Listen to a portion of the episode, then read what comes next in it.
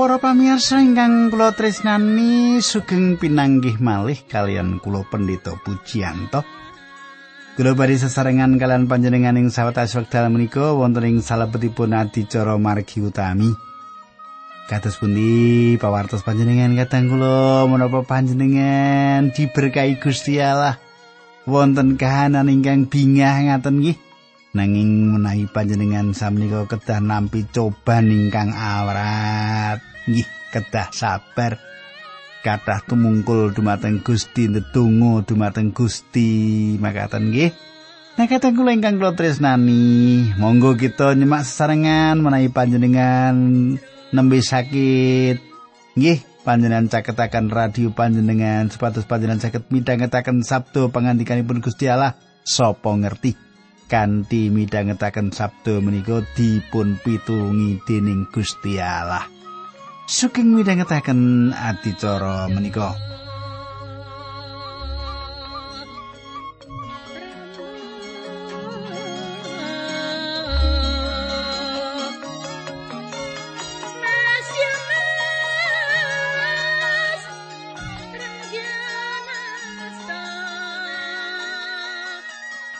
Para pamirsa ingkang kula tresnani ing pepanggihan kepengker kula sampun ngaturaken bilih peti perjanjianipun Allah sampun dipun beto dhateng Yerusalem dening Daud. Kita badhe lajengaken monggo kita tumungkul kita ndedonga sesarengan.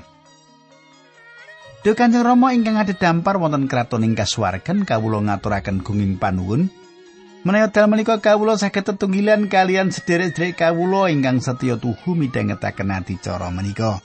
Menawi wonten ingkang sakit do pengiran kawula nyuwun supados paduka sarasaken. Linambaran asmanipun Gusti Yesus Kristus kawula ndedonga haleluya amin.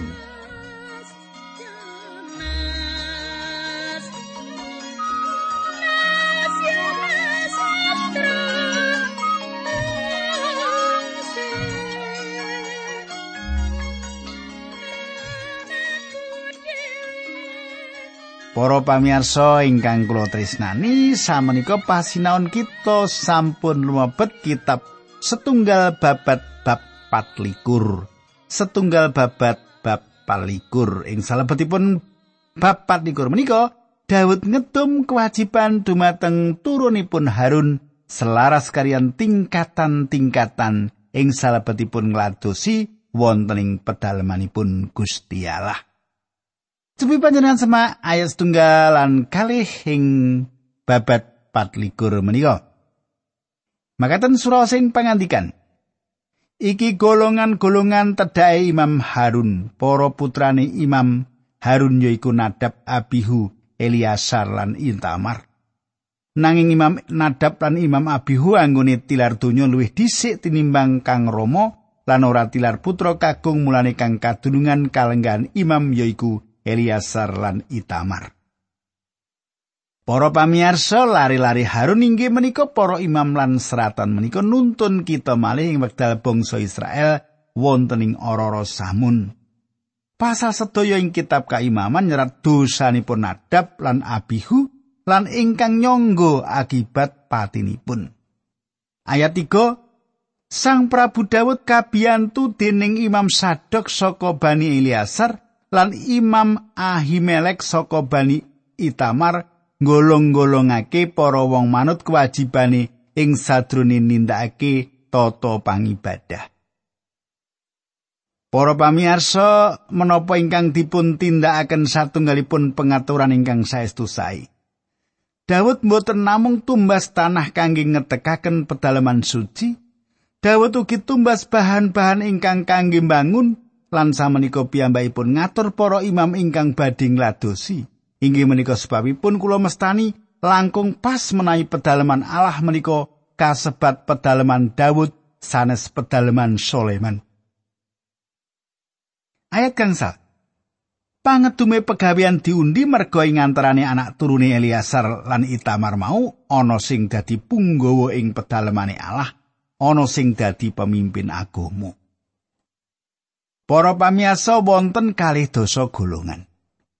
Satunggal golongan nindakaken tugasipun kabawah pimpinan salah satunggal saking tiang-tiang menika Selajengipun satunggal golongan sanes kabawah pimpinan tiang sanes ingkang badhe ngentosi golongan ingkang kawitan. Kula bayangaken tiang lewi ingkang nindakaken tugas menika nindakaken kanthi pas lan tumata. Keluarga-keluarga lewi tambah kathah gunggungipun kanthi makaten boten saged ngladosi sareng-sareng. Kados ingkang sampun kita tingali wit jaman Nabi Musa ngantos jamanipun Sang Prabu Daud gunggungipun tiang lewi tambah. Saking wolong ewu dados telung puluh wolu ewu tiang. Hingga wis saking menika Daud ngedum tiang lewi kalau wau dados gulungan-gulungan. Ing perangan selajengipun lari-lari kohat dipun perang lan sasampunipun lari-lari kehat lari-lari merari dipun dumali Daud gadah rancangan bilih saben keluarga badhe nindakaken ibadah ing pedalamanipun Gusti Allah. Samenika pasinan kita lumebet ing setunggal babat selangkung ing pasal selangkung kita manggihaken Daud ngatur tiang-tiang ingkang nyanyi lan golong-golongaken. Bab selangkung ayat tunggalan kalih kula waosaken ing basa pedinan makaten.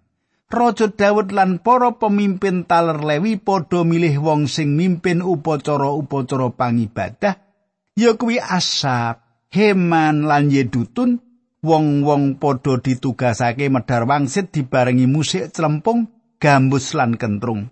Kanggo mimpin upacara sing diadani dening golongan siji-sijine dipilih wong-wong sing jenenge kasebut ing ngisor iki.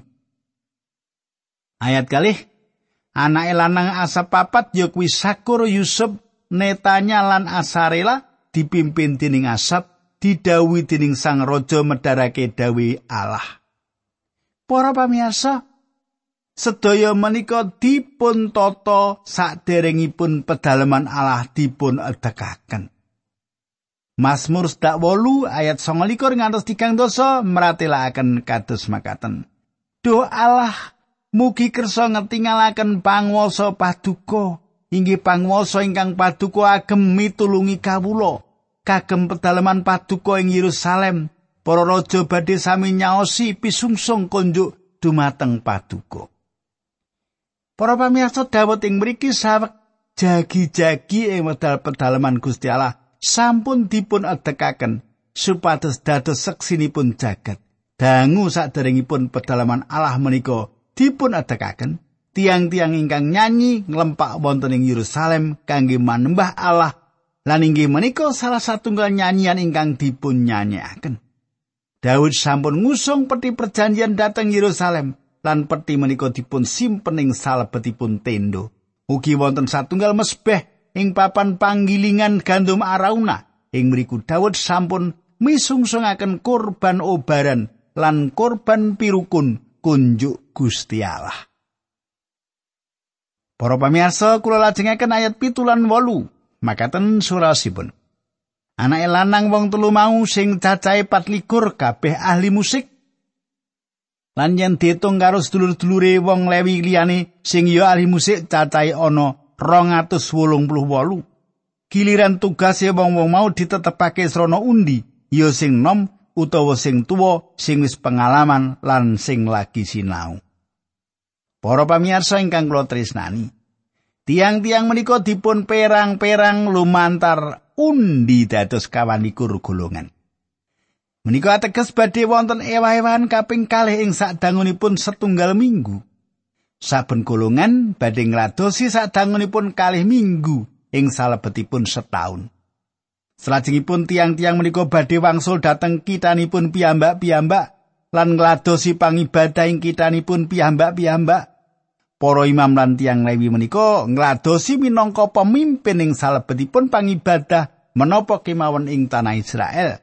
Kula pitados sedaya menika satunggalipun perkawis ageng ingkang dipun tindakaken Daud ing jaman pemerintahanipun. Samenika pasinon kita lumebet ing setunggal bab bab 6 likur.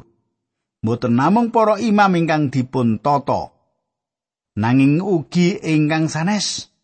Ing salebetipun pasal 6 likur menika kita namung ningali bilih Daud ngrancang sedaya menika kanthi ngatos-atos ayat setunggal. Pangedume tugas kanggo wong-wong Lewi sing dadi pengawaling pedalemane Allah kuwi mengkini saka gotrae Korah sing diangkat Meselemia bin Kore saka keluarga Ebiasap. Para pamirsa, tiang-tiang menika dipun dum-dum kanthi cara ingkang saperangan ageng sami lan sawetawis sak gulungan wonten ingkang ngladosi ingkang sanes njagi. Wonten ingkang njagi kangge ngawasi gapura lan tiang-tiang menika badhe nindakaken tugas sadangunipun kawan likur jam sedinten. Ayat 13 Kabeh keluarga gedhe cilik ngertine kudu jaga ana ing gapura sing endi nganggo diundi. Panjenengan katosaken saben gapura wonten ingkang jagi. Tiang-tiang menika kedah kadah bendahara ingkang badhe ngitang arta kangge pedalaman Allah. Tiang menika kedah damel pelaporan. Ayat kali dosa melompat nggih. Wong Lewi liyane dipasrai nyekel bandane pedalaman Allah ya kuwi duit lan barang-barang sesausan marang Allah sing disimpen ing gudang-gudang. Para pamirsa bendoro-bendoro gadah tanggal jawab nyimpen barang-barang suci ingkang sampun dipun sucikaken lan gunggungipun tambah kathah. Ayat 6 likur, pitu likur, ngantos wolikur. Selomit sak keluargane kuwi tanggung jawab tumrap sakai barang sing disaosake dening para lajeri keluarga. Para lajeri trah-trah lan para perwira, barang-barang sing disaosake mau sebagian gedhe wujud barang rampasan perang lan disaosake khusus kanggo pedalamane Allah. Ring kesese Selomit lan keluargane mau kapasrahake ngreksa samu barang sing disaosake khusus kanggo pedalamane Allah. klebu go sausan-sausan sing dipasrahake lantaran Nabi Samuel dening Raja Saul, Abner bin Ner lan dening Yoab bin Seruya. Kuwi kabeh dadi reksani Selumit lan keluargani. Para pamirsa panjenengan gatosaken tiang Lewi ugi kedah dados hakim. Tiang-tiang Lewi menika saged nyepeng kalenggahan ing kata perkawis. Panci, rancangan Gusti Allah ingkang kawitan ndadosaken Israel menika satunggalipun negari teokrasi. Gusti Allah ingkang gadah pangwaos lan kanthi kemah suci ngadeg wonten ing tengah-tengahipun bangsa menika lan kaimaman nampi putusan langsung saking Gusti Allah piyambak. Lan cara pemerintahan menika gagal awit kegagalan tiang Lewi. Selajengipun Gusti Allah ngedekaken para hakim. Selajengipun kita ningali para hakim mugi gagal lan rakyat nuntut diparingi raja inggih menika sebabipun Daud dados raja sinaosa Israel dados kerajaan Daud nengenaken ingkang utami ngwangsulaken pemerintahan ke bawah panguasipun Gusti Allah.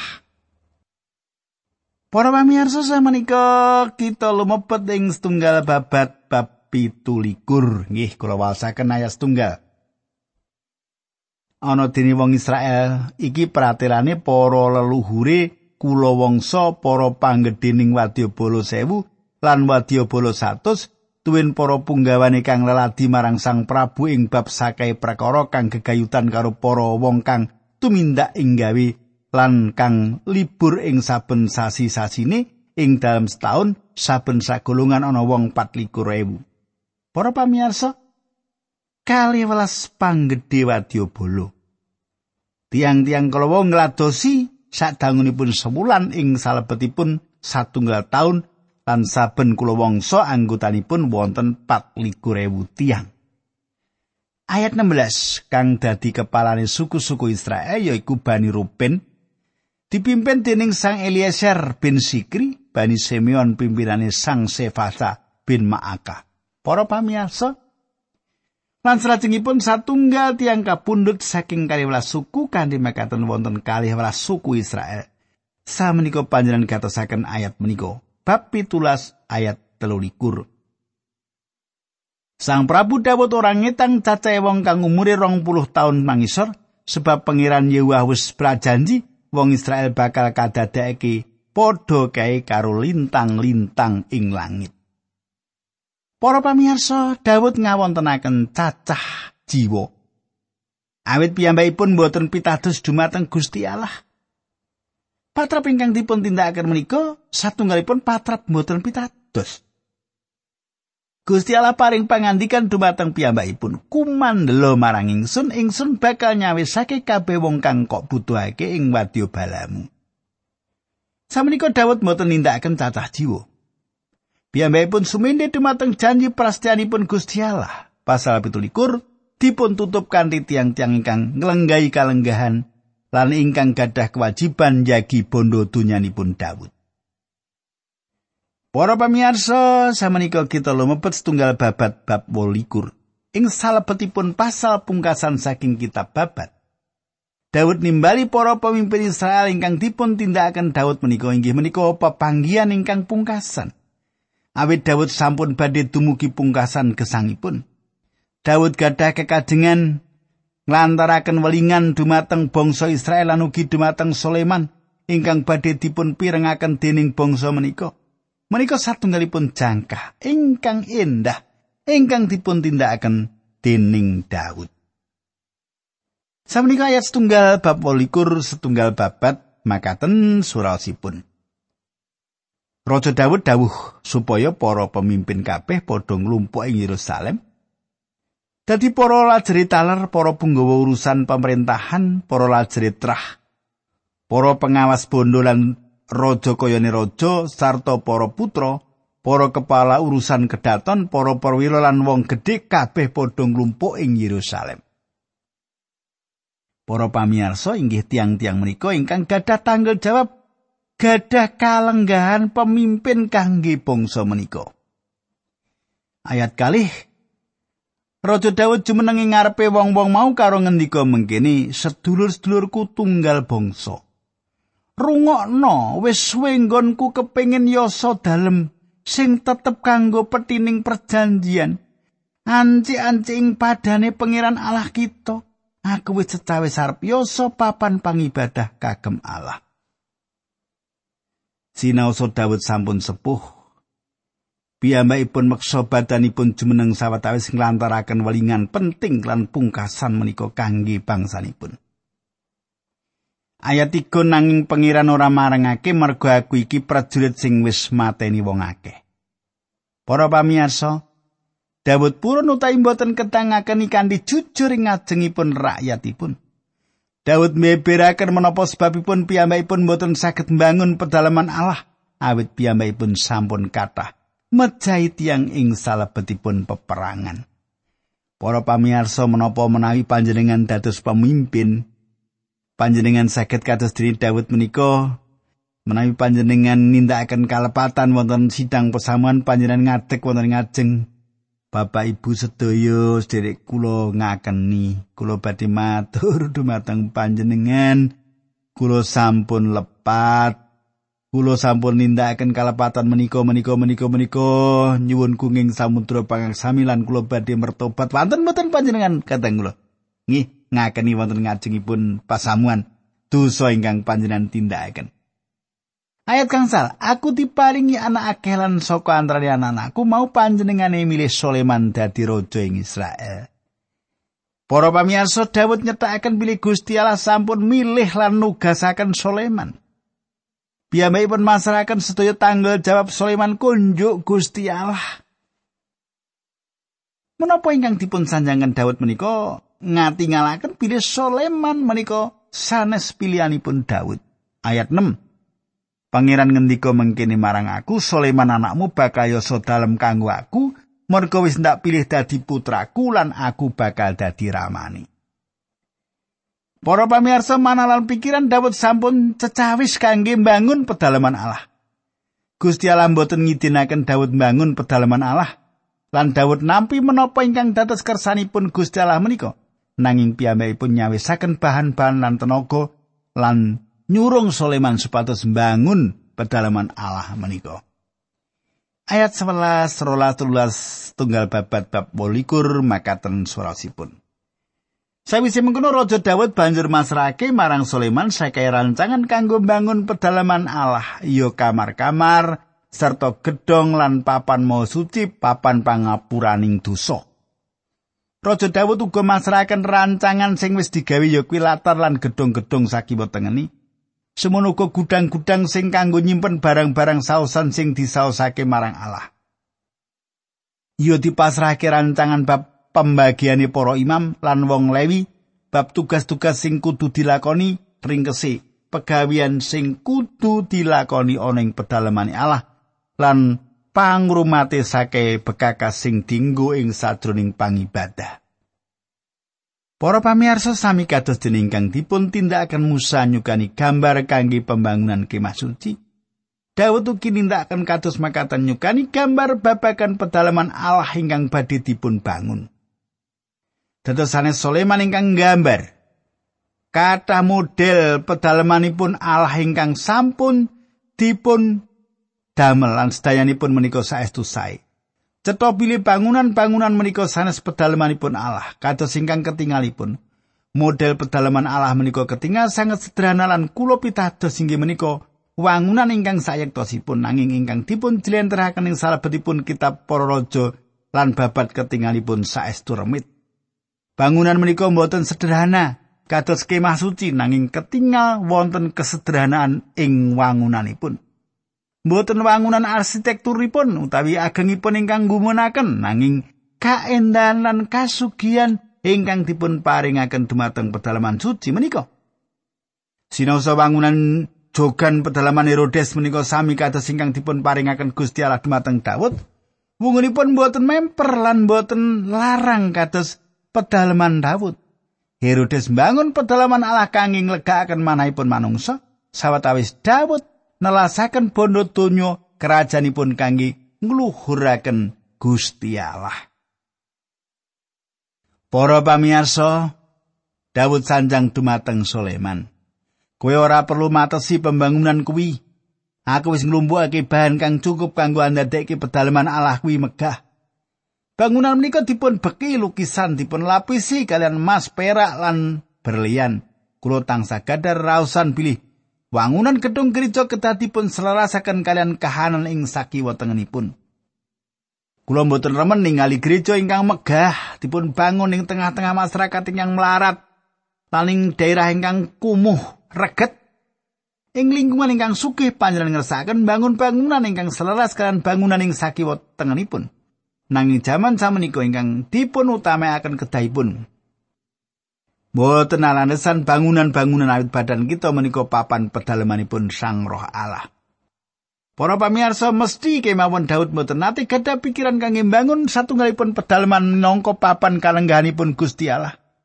Sulaiman ing salebetipun pandonga ing wedan neguhaken pedalaman Allah kanthi gamblang meratelaken nanging Duh Allah menapa inggih paduka saestu badhe dedalem wonten ing bumi menika? Langit jembar mboten badhe nyekapi kagem paduka menapa malih griya pangibadah ingkang kawula yasa menika? Setunggal raja 8 ayat 17 Jagat raya sedaya menika dipun titahaken lan mboten saged madai Gusti Allah.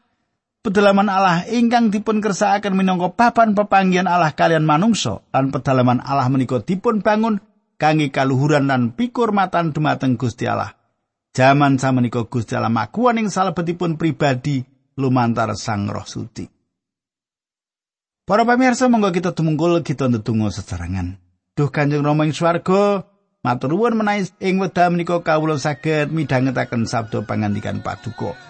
Kawula nyuwun supados pangandikan paduka menika saged dados kegiatan kangge sedherek kawula menika. Linambaran asmanipun Gusti Yesus Kristus kawula netunggal haleluya amin.